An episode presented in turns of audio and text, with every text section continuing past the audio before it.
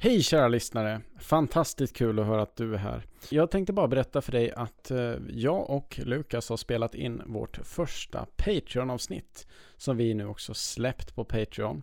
Så vill du supporta Fjällvandringspodden så klickar du in på patreon.com och letar upp Fjällvandringspodden eller hittar länken i vår Instagram-profil för att ta dig dit. Med en liten slant så kan du stötta vår resa mot ett finare mixtativ för Lukas och lite ersättning för vår klippare. Så varmt välkommen att hoppa in på vår Patreon och eh, annars så ses vi ju i den vanliga podden.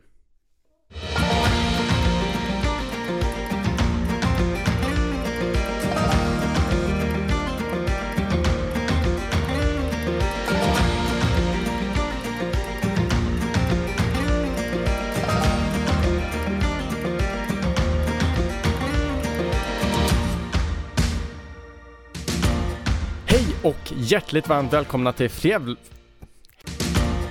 Hej och hjärtligt varmt välkomna till Fjällvandringspodden. Jag som pratar nu heter Anton Levin och med mig så har jag Lukas Wennerholm. Tillsammans är vi en podcast för dig som är intresserad av vandring, fjäll, vinterturer och kanske lite, lite klättring. Jag har funderat över den här, den här introt Anton. Ja, Och eh, lite klättring, Ja. är det verkligen sant? alltså vi pratar ju vi pratar ju eh, kanske lite om klättring i vårt liksom eh, så här småprat eller introprat när vi liksom vad har du gjort sen sist? Men annars så de flesta avsnitten innehåller ju inte klättring. Jag vet inte om det är sant. Okej, kanske inte själva huvud, huvudtemat, Nej. men åtminstone Ja, det- småpratet det- är ju varje, ja, varje ja. avsnitt. Ja, det är ju, det är ju mycket av vårt liv liksom. Ja, så är det ju.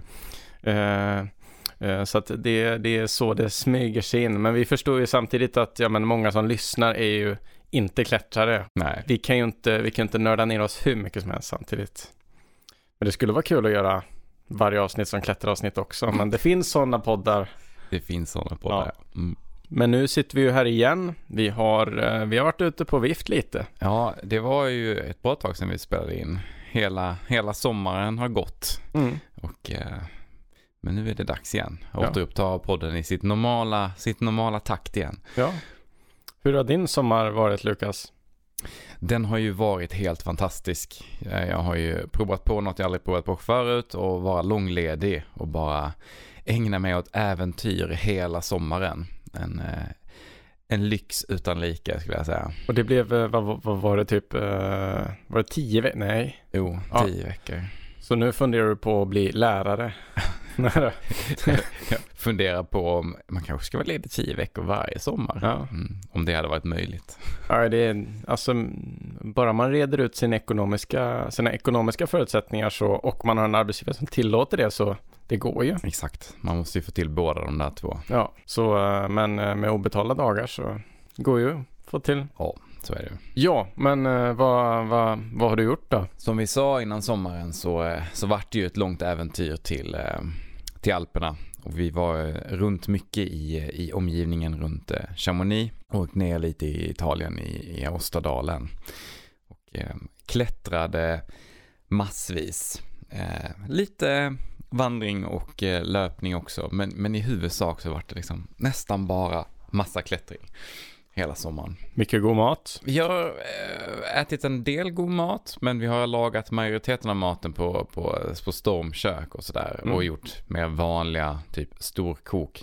Lite för att hålla nere den här, den här kostnaden av att vara borta så länge vara Ja, precis. tjänstledig och sådär.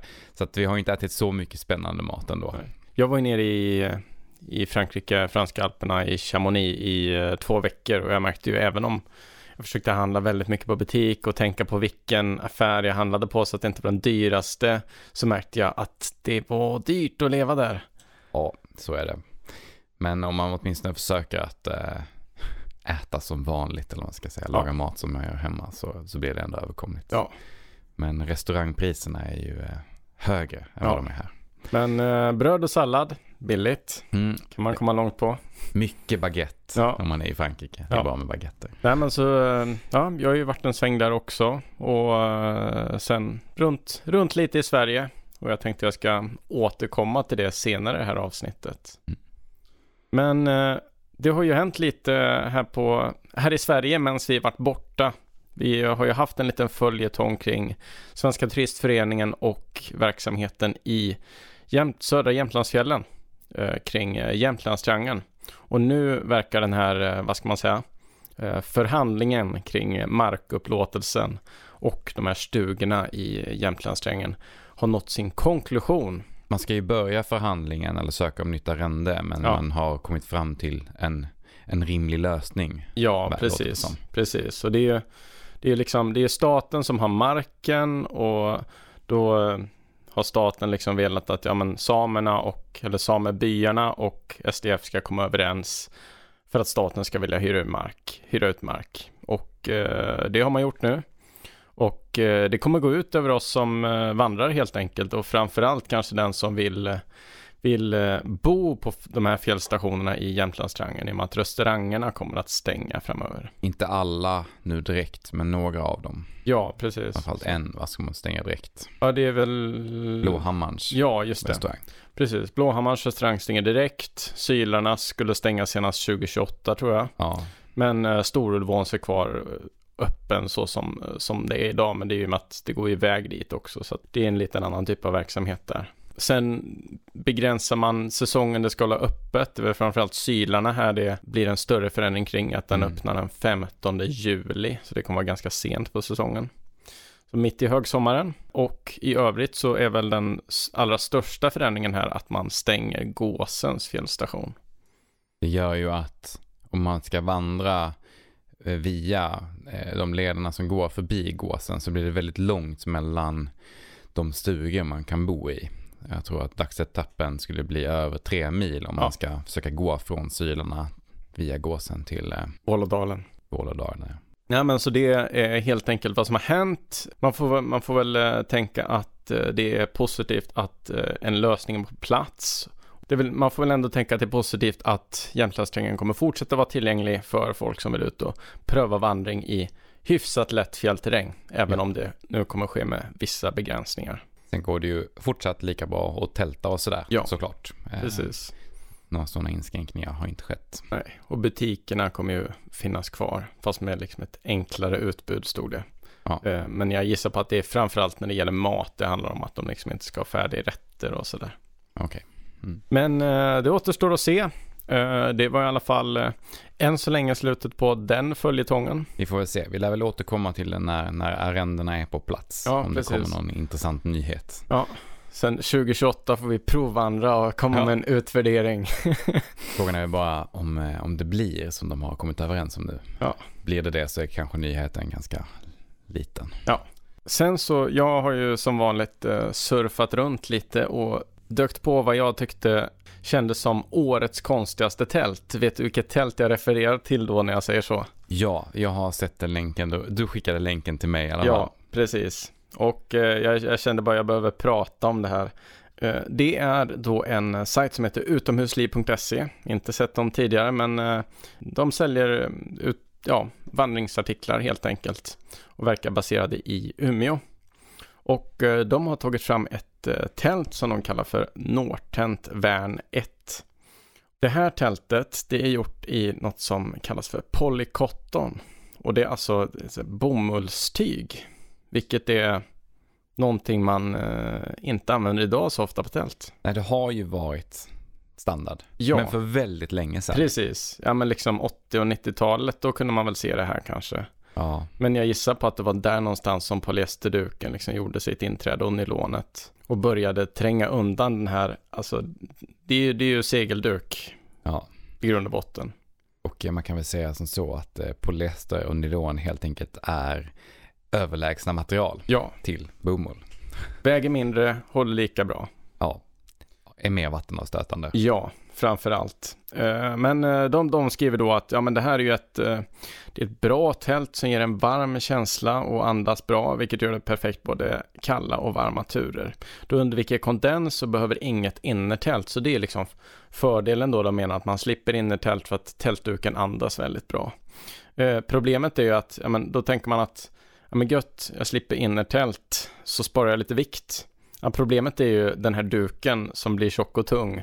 Så att det här tältet väger ju Alltså ett enpersoners tält, typ ungefär 3,5 kilo. Ja, det är ofattbart. Ja. Det, det är liksom motsatsen till, till eh, lätt, Ja, så långt man kan komma ifrån. sannolikt så man kan väl säkert hitta någon sorts eh, eh, klimatnytta i att använda eh, bomull istället för ja, men, eh, polyester till exempel eller nylon. Jag vet inte, men, men eh, däremot så undrar jag, så här, vem ska köpa det här?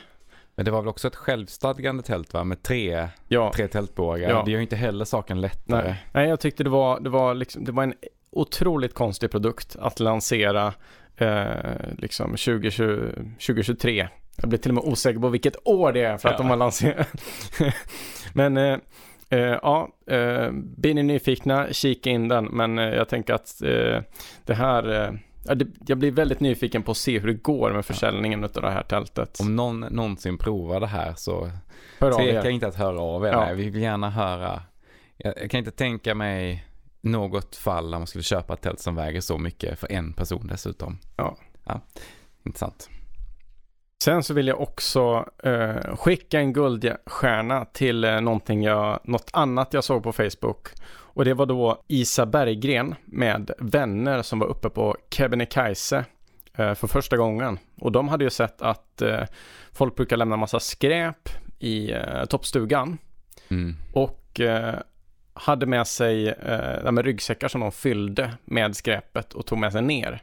Vilket jag tycker är, det här är ganska unikt. Väldigt många fotar skräpet. Väldigt få ta med Ja. extra ner. väldigt, väldigt många fotade och säger Åh, det här är dåligt. Och så gör man ingenting åt det. Men de här tog ju faktiskt tag i och gjorde någonting åt det och tog med sig massa skräp ner. Och det vill jag liksom eh, ge en guldstjärna för och hoppas att eh, fler föregår med så här fantastiskt gott exempel. Det var fint att se. Härligt. Och med det så tänkte jag inte eh, rabbla mer om, om eh, internet och andra saker utan jag tänkte att vi ska ta oss ut och vandra lite.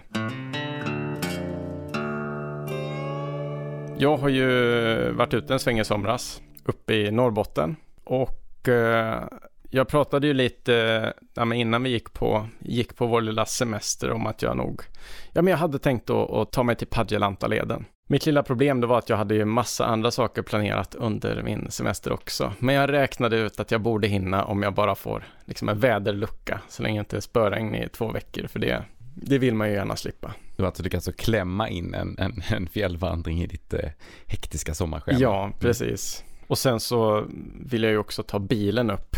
Eh, vilket, ja men, det gör ju att man är lite mer flexibel med när man ska börja vandra och så det är Mm. Men å andra sidan så gör det att det tar längre tid att ta sig upp. Men eh, det gick i lås i alla fall. Så Ja. jag tog mig iväg på Padjelanta-leden och jag tänkte berätta lite om den upplevelsen.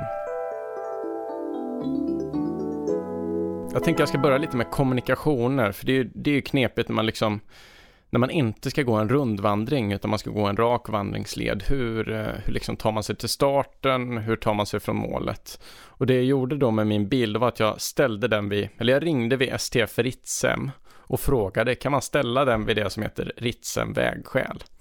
Så det är alltså infarten till Stora Sjöfallets nationalpark och de sa ja det tror vi. Det tror vi. Ja, precis. Eh, nej, men så jag, jag, jag litade på dem och så parkerade jag där helt enkelt. Och eh, det är ju som en liten, en liten vändplats med en informationsskylt. Eh, så att, och det, det är ju liksom, det är en, i praktiken mitt ute ingenstans. Är, det, är det slutet på vägen? Nej, utan det är, det är infarten till Stora Sjöfallets nationalpark. Ah, Alltså det är 10 mil från Ritsem. Ja. Liksom. Eh, Så det är ju efter den, eh, vad är det, E45 man kanske är. Mm. Inlandsvägen helt enkelt.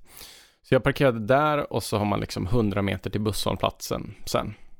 Så eh, jag sov där i min bil och så på morgonen så knatade jag ner till busshållplatsen för bussen som går då till eh, Jokkmokk. Eh, för att sen byta och ta mig till Kvikkjokk.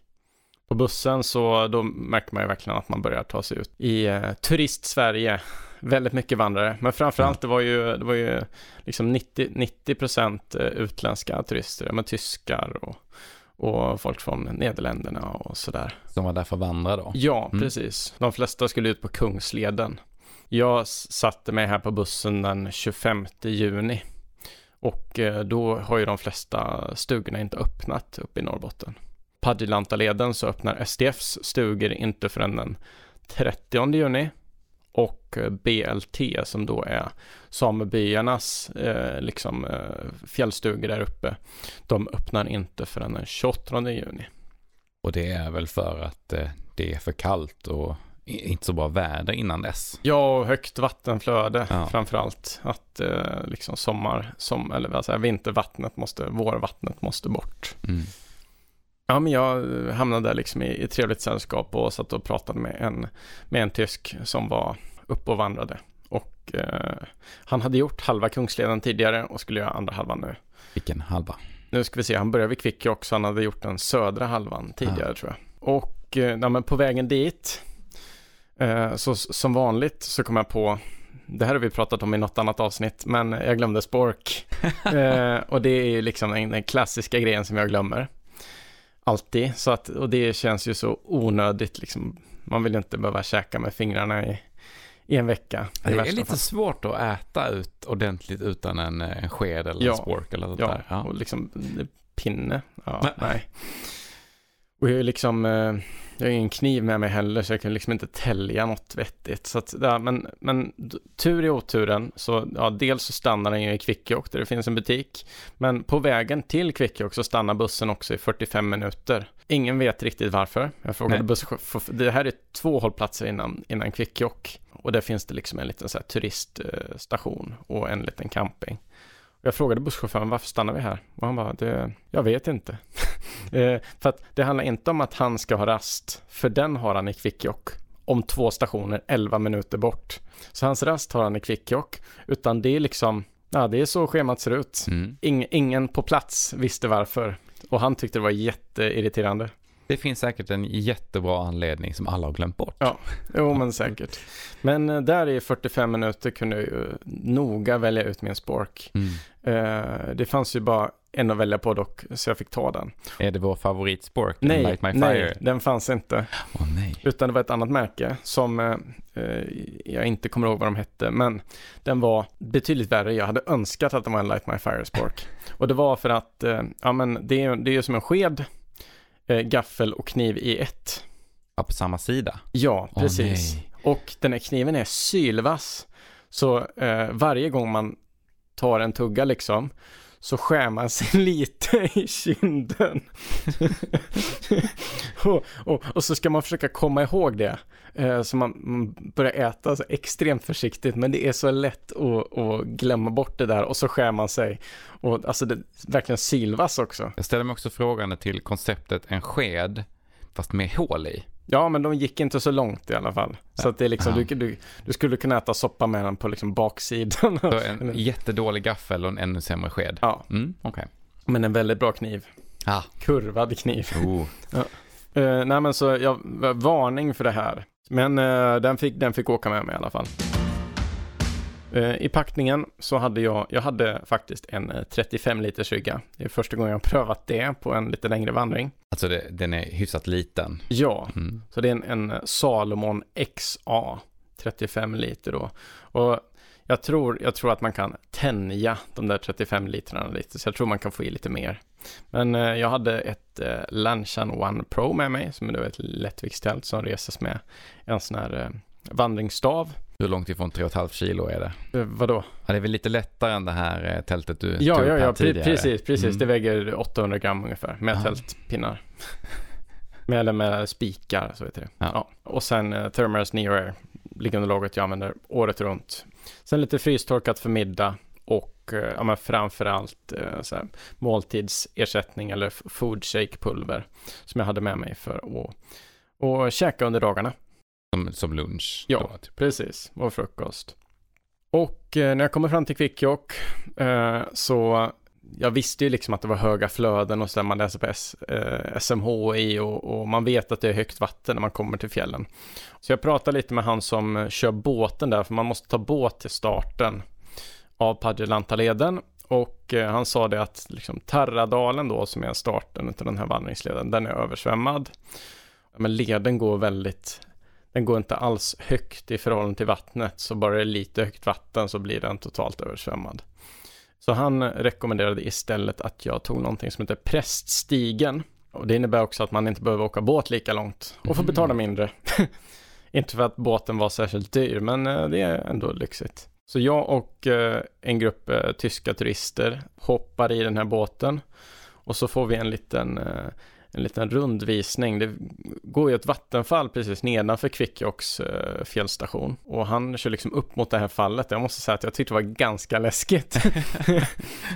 Men han liksom gör en liten rundvisning där eh, och sen så kör han över oss till andra sidan där jag får kliva av. Och här börjar då vandringen. Eh, Jag märker direkt hur extremt mycket mygg det är på den här sidan. För när man kommer över älven där så det är, eh, det är mycket mer buskage och eh, högväxta träd och sådär. Det är inte så mycket öppet där liksom vinden Mm. kommer åt. Utan det är vindskyddat, fuktigt och brutalt mycket mygg. Så medan de här tyskarna står och samtalar lite så, så piper jag iväg och traskar på. Jag vill inte stå där och döda tid. Sikte mot högfjället. Ja, precis, så fort det bara går. Framför mig så är en ganska lång stigning. Det är, det är väl så, sådär 700 höjdmeter upp till, eh, upp till Kalfjället enligt kartan. Sen vet man ju aldrig liksom vart det egentligen börjar om kartan är, är up to date eller om eh, det liksom är beväxlat lite till. Mm. Ibland blir man negativt överraskad. Men jag traskar på, eh, jag försöker stanna och kissa eh, och det här är inte roligt. det är liksom, de sätter sig på händerna så fort man står still. Det, det är liksom nästan panik. Det är som man vill gå och kissa samtidigt. Ja, jag vet precis den här känslan. De svärmar liksom Ja. runt en. Ja, Ja. det är otroligt obehagligt. Och eh, ja, det är liksom, man, man lyckas ju men man får ju så här, 30 myggbett på köpet. Ah. Och jag bara skyndar mig så mycket jag kan. Och man, jag har eh, regnjackan på mig fastän det är jättevarmt Mm. för att skydda mig. Plus att man går uppför så man blir ju extra varm. Ja. Eh, så ja, den, där sträckan den var ett eh, helvete men Hur, hur lång var den? Eh, jag tror att det var fyra kilometer ungefär tills man nådde, ja men vad heter det, trädgränsen. Okej. Eh, men med ett gäng hundra höjdmeter stigning också. Mm. Eh, men jag gjorde den där eh, stigningen eh, hyfsat fort för att jag var så motiverad. Väl uppe på den här då Prinskullen så tunnar skogen ut och eh, jag börjar slippa de här myggen. Jag kommer upp till ett, eh, ett litet röse och blickar ut över, liksom man ser hela Kvikkjokk och det här fantastiska deltat framför sig och kan äntligen pusta ut lite. Man kan stanna utan att bli uppäten. Ja, precis. Och det är, det är fantastiskt skönt. Ehm, just där och då så, jag är ganska törstig men det finns inget vatten och, så att jag får, eh, jag tar liksom ingen rast där utan jag fortsätter ett par kilometer till och gå snett norrut mot en dal som heter Vallevagge. Eh, och här är man ju liksom uppe på högfjällsplatån, man ser liksom in i Sarek, eh, nordost ut och mot nordväst så rör man sig liksom mot Padjelanta. Det Vi är på väg att göra här det är att vi går över Tarrekaise-massivet istället för att gå nere i Tarradalen. Eh, där det då är för mycket vatten. Men även uppe på den här höjden så är det mycket vatten. Det är eh, mycket som eh, kanske resten av året är eh, liksom, ja men vanligt kalfjäll, torrmark som nu är träsk. Mm. Där det är så två, tre decimeter vatten och klafsa i med mjuka buskar eller, eller mossa. Och jag har ju redan från början på den här vandringen vant mig vid tanken att det kommer nog vara så att jag är blöt om fötterna alla de här dagarna. Eh, så det är bara att traska igenom. Jag har ju vanliga löparskor och vanliga strumpor på mig här. Ja, är vattnet kallt? Nej men inte så skulle jag säga. Nej. Här, vattnet står ju stilla här. Mm. Eh, Så i, i Jockarna jag kommer till senare, där det forsar, där är det ju fruktansvärt kallt. Ja. Men eh, här det liksom st- ligger still på en myr, då är det ju det är nästan skönt faktiskt. Det är liksom lagom, lagom varmt, men däremot så fötterna blir ju tunga och man, man tröttnar ju på att gå i vatten till slut. Ja. Men eh, för att kyla ner fötterna lite då och då så kan det faktiskt vara ganska skönt. Det är ju inte skönt i ren allmänhet att gå runt med blöta fötter så. Till slut så kommer jag fram till lite rinnande vatten så jag tar mig en shake och tar mig dagens och den här turens första rast. Och nu är klockan kanske, kanske fyra eller någonting.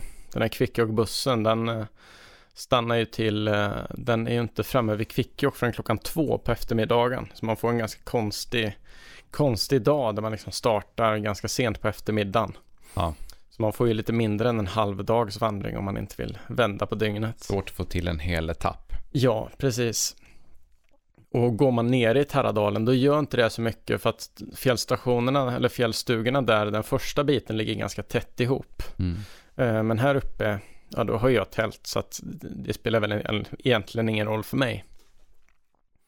Men, eh, ja, men klockan är lite efter fyra och eh, jag tänker att jag fortsätter en bit till. Och man ser att det, det är fortfarande väldigt mycket vatten, det är eh, som forsar liksom nerför bergssidorna och väldigt mycket snö.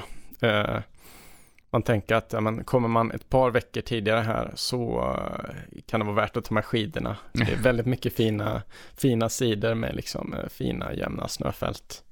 Jag försöker hålla en, eh, gå ganska högt upp för att, för att få en så jämn och liksom platt väg så jag ska slippa skrova i flera kilometer för det är ganska segt att liksom gå med en fot högre än den andra hela tiden.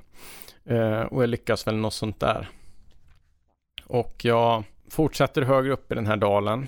Till slut så, liksom så börjar det bli så brant på den högra sidan att man måste över på den vänstra sidan. Så jag får börja leta efter vart man kan ta över, ta sig över då jocken som rinner nere i den här dalen. Det jobbiga då det är att hitta ett ställe man kan ta sig ner. För Mm. att snövallarna eh, som omger den här jocken, de är mellan 2,5 och 3 meter höga. Ja, så den bildas som ett litet, litet stup ner i Ja, vattnet. precis. Ah. Så till, men till slut så lyckas jag hitta ett ställe där det liksom där en stor, eh, där en stor liksom, eh, ja, men så här snö och isklump har brutits av. Så att man liksom kan eh, liksom hoppa lite och glida lite ner och ta sig ner i vattnet. Och sen liksom, eh, ja, men hugga ut steg för att ta sig upp på andra sidan. där det inte var riktigt lika högt.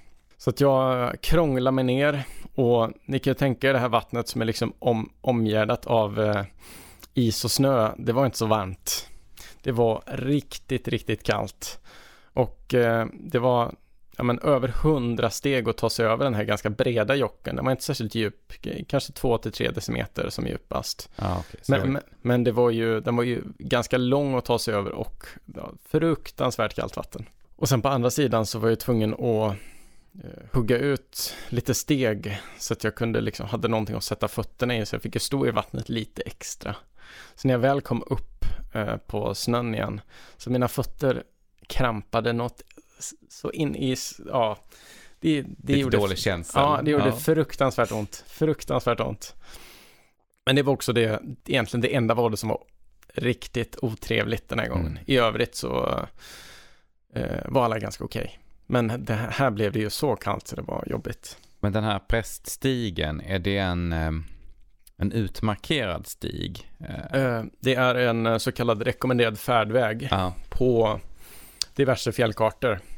Så den finns utprickad på kartan men den är inte markerad i verkligheten så att säga. och passagen över, över de olika vattendragen, är, de är med i stigen. Ja, precis. Sen får man ju välja själv vart man går över. Här Ja. var det ju, fick ju jag ta liksom möjlig färdväg, Ja, helt enkelt. Det var ju där man kunde ta sig ner. Eh, Men det finns ju, senare på säsongen finns det ju fler alternativ. Då kan man ju Mm. gå över vart man vill.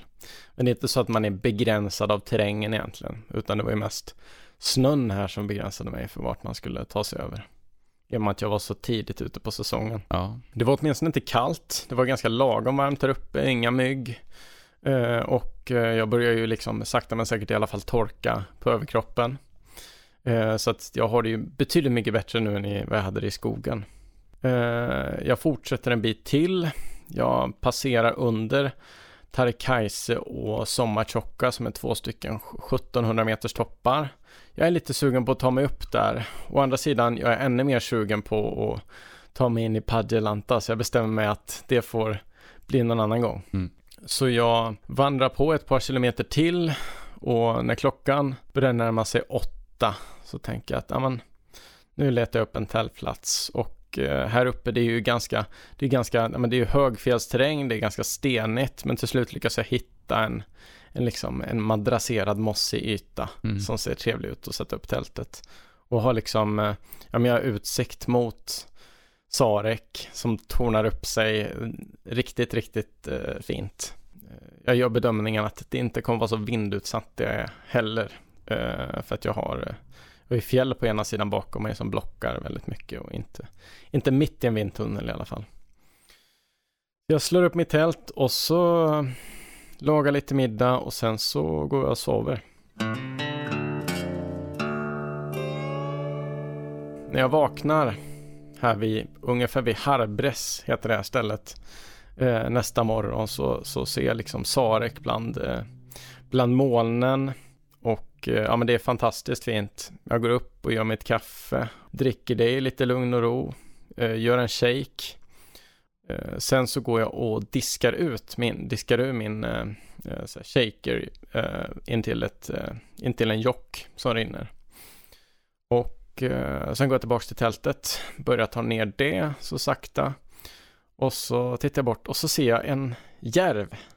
Mm. Och jag gissar på att den nosar nog lite där jag har varit och diskat tidigare. För det var därifrån den kom liksom.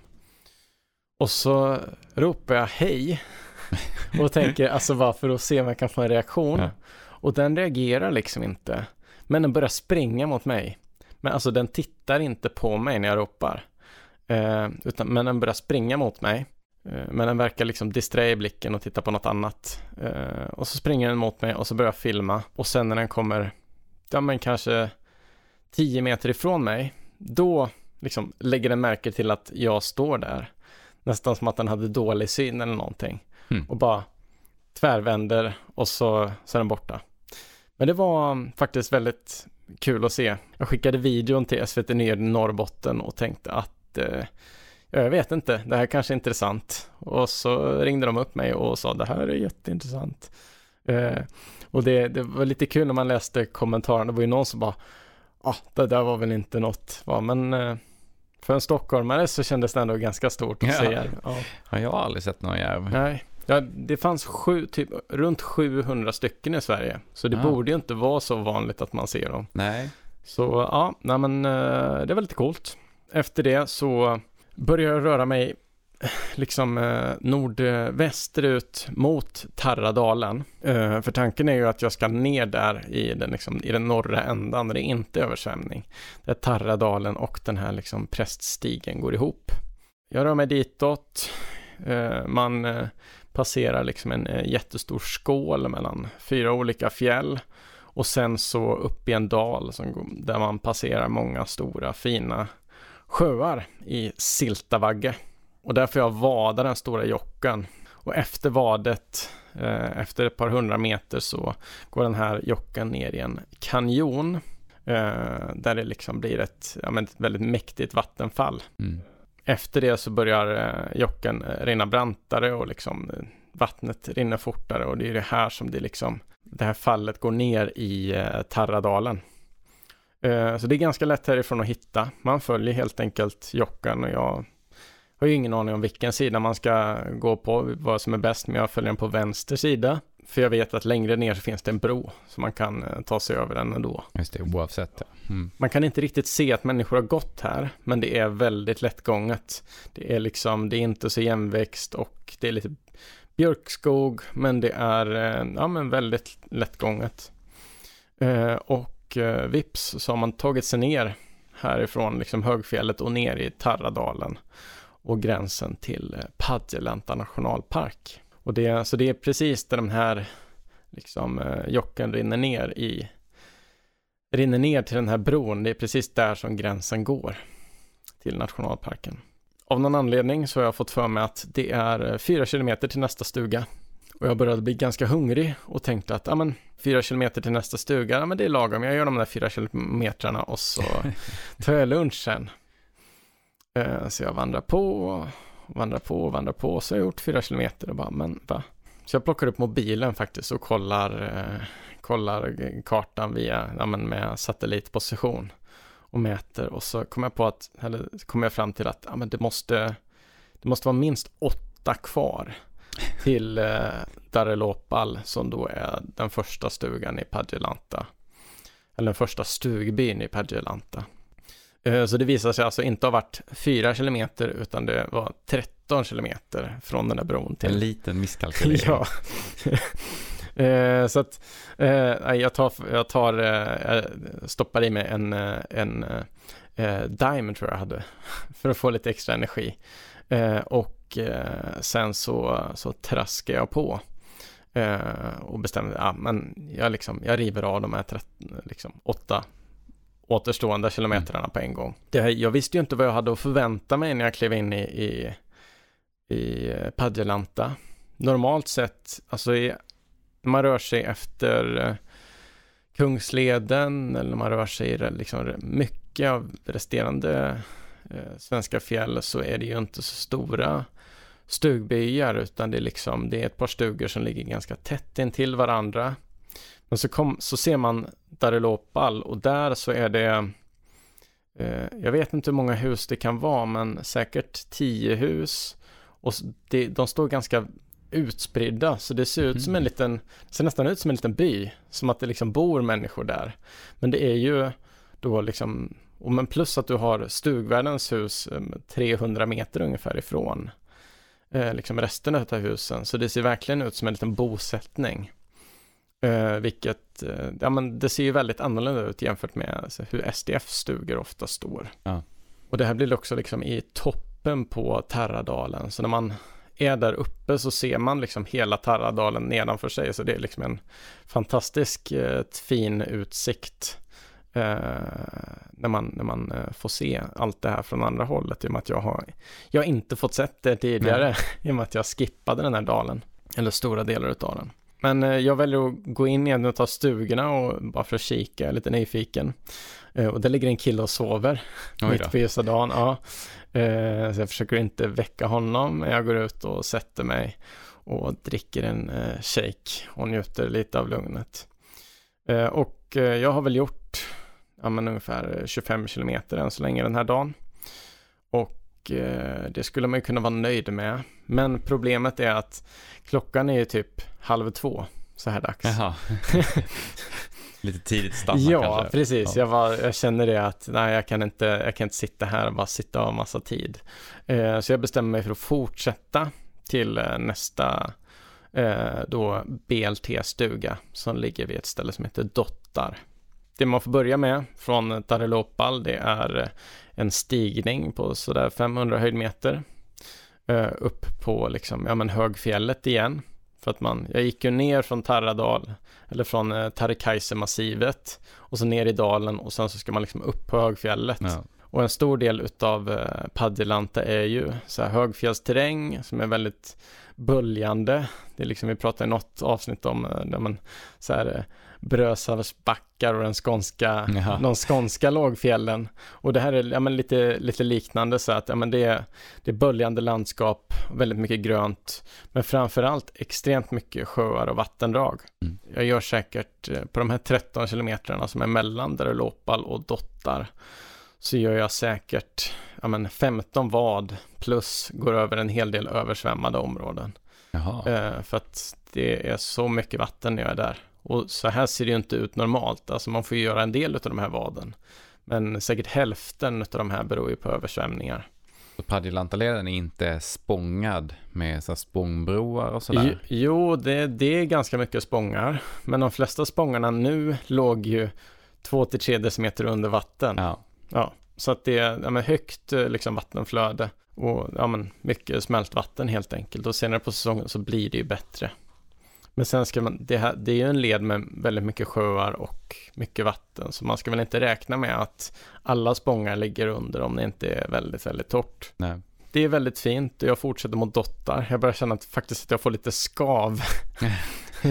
Allt vatten alla de blöta ja, Jag börjar faktiskt få skav mellan benen. Det, så det är extra jobbigt. Uh, men uh, jag har lite vaselin, kör på det mm. och så, så hoppas att det blir bättre till imorgon. Framförallt man får se till att liksom tvätta sig, få bort uh, allt salt och svett och sånt ja. där så att man blir, så man slipper få problem med det. Liksom bland de här böljande fjällen och sådär, vips, så ser man en liten stuga. Det känns nästan lite så här västkusten-aktigt när man eh, kliver in mot Dottar, för det är ja men det är det här eh, böljande landskapet och eh, så små fiskestugor nästan. Jag träffar en, en kille som van, håller på att vandra åt motsatt håll och vi sätter oss och, och käkar lite ihop och sen så kommer stugvärden in med helikopter. det känns väldigt liksom action eh, eh, och har med sig massvis med grejer. Så frågar han, ska du sova här i natt? Eh, jag sitter och funderar lite och så bara, jo, jag tar en säng i natt. Så där lyxar jag till det, tar min kväll eh, och eh, han berättar om att eh, kungen minsann har varit på besök på Dottar. Mm. De, byggde, de byggde tydligen, de har en bastu där och den byggdes för det kungliga besöket. Och så har man utsikt över Sarek från bastun. Var den öppen på sommaren? Ja, men det var 300 meter till bastun och jag med mitt skav orkade inte gå dit. så jag skippade det. Eh, men eh, jag köpte en cola i alla fall ur, ur eh, skafferiet. Mm.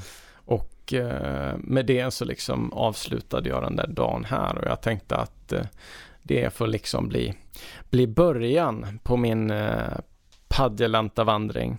Uh, för det här är ju en, eh, det är ju en uh, 14 mil lång led och komprimera ner hela leden till ett avsnitt blir ganska svårt. Mm. Så det här blir då den första delen utav Padjelanta-leden och den slutar vid Dottar.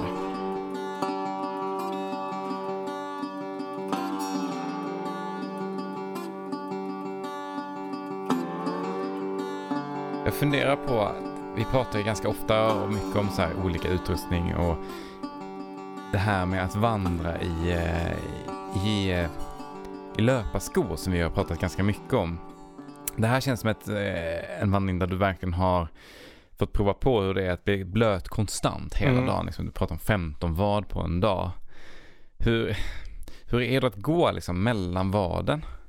När man är så blöt hela tiden. Ja men först kan man ju så här, ja men vad hade alternativet varit? I, I och för sig, man kan ju ha på sig sealskins liksom. Ja. Eller kör du kängor här, då måste du ändå, ja men du måste ta av dem och så på ställen där liksom kängorna inte räcker till helt. Ja. För att inte de ska bli blöta in i.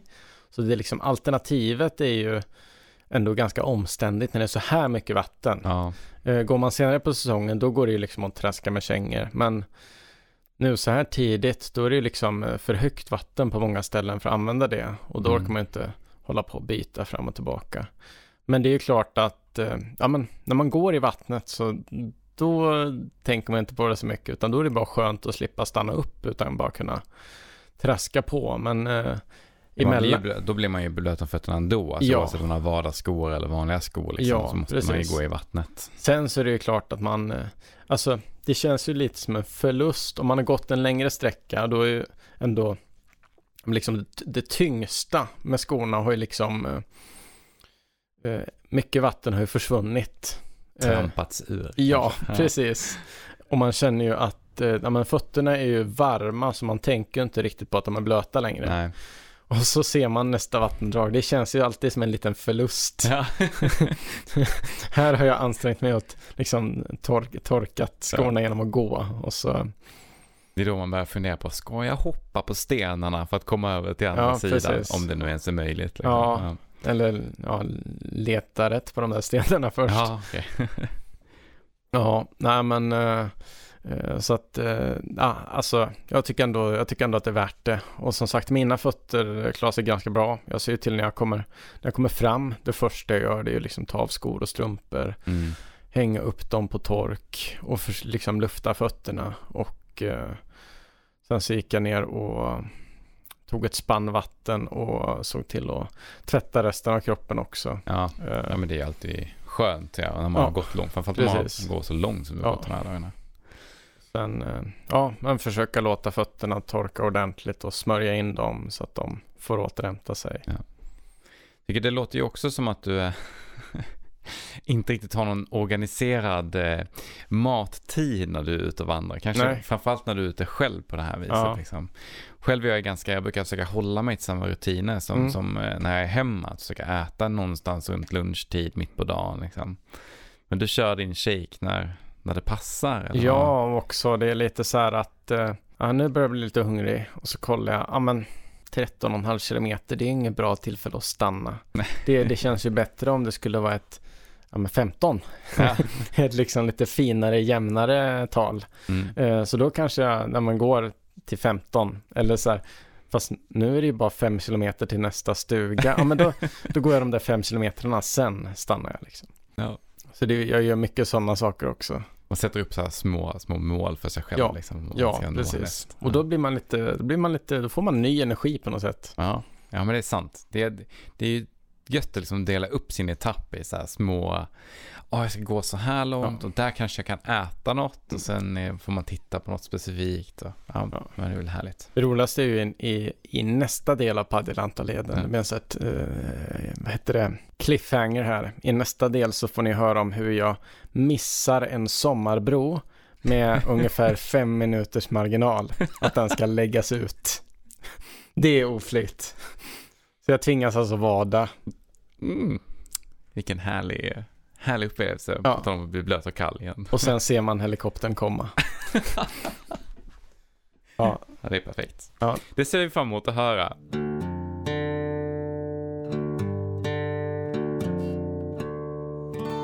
Och med det så börjar denna veckas avsnitt rulla mot sitt slut. Har ni specifika ämnen ni vill att vi tar upp i framtida avsnitt eller vill ställa frågor till oss så hör av dig till oss på Instagram, fjällvandringspodden. Och glöm inte heller att prenumerera på oss i ditt flöde. Vi som gör den här podden heter Anton Levin och, Lukas Wennerholm. och om du uppskattar det vi gör, sprid gärna ordet så vi kan fortsätta prata om vandring från våra vardagsrum. Och glöm inte redan nu att planera in din nästa tältnatt. Tack för den här gången. Vi ses om två veckor.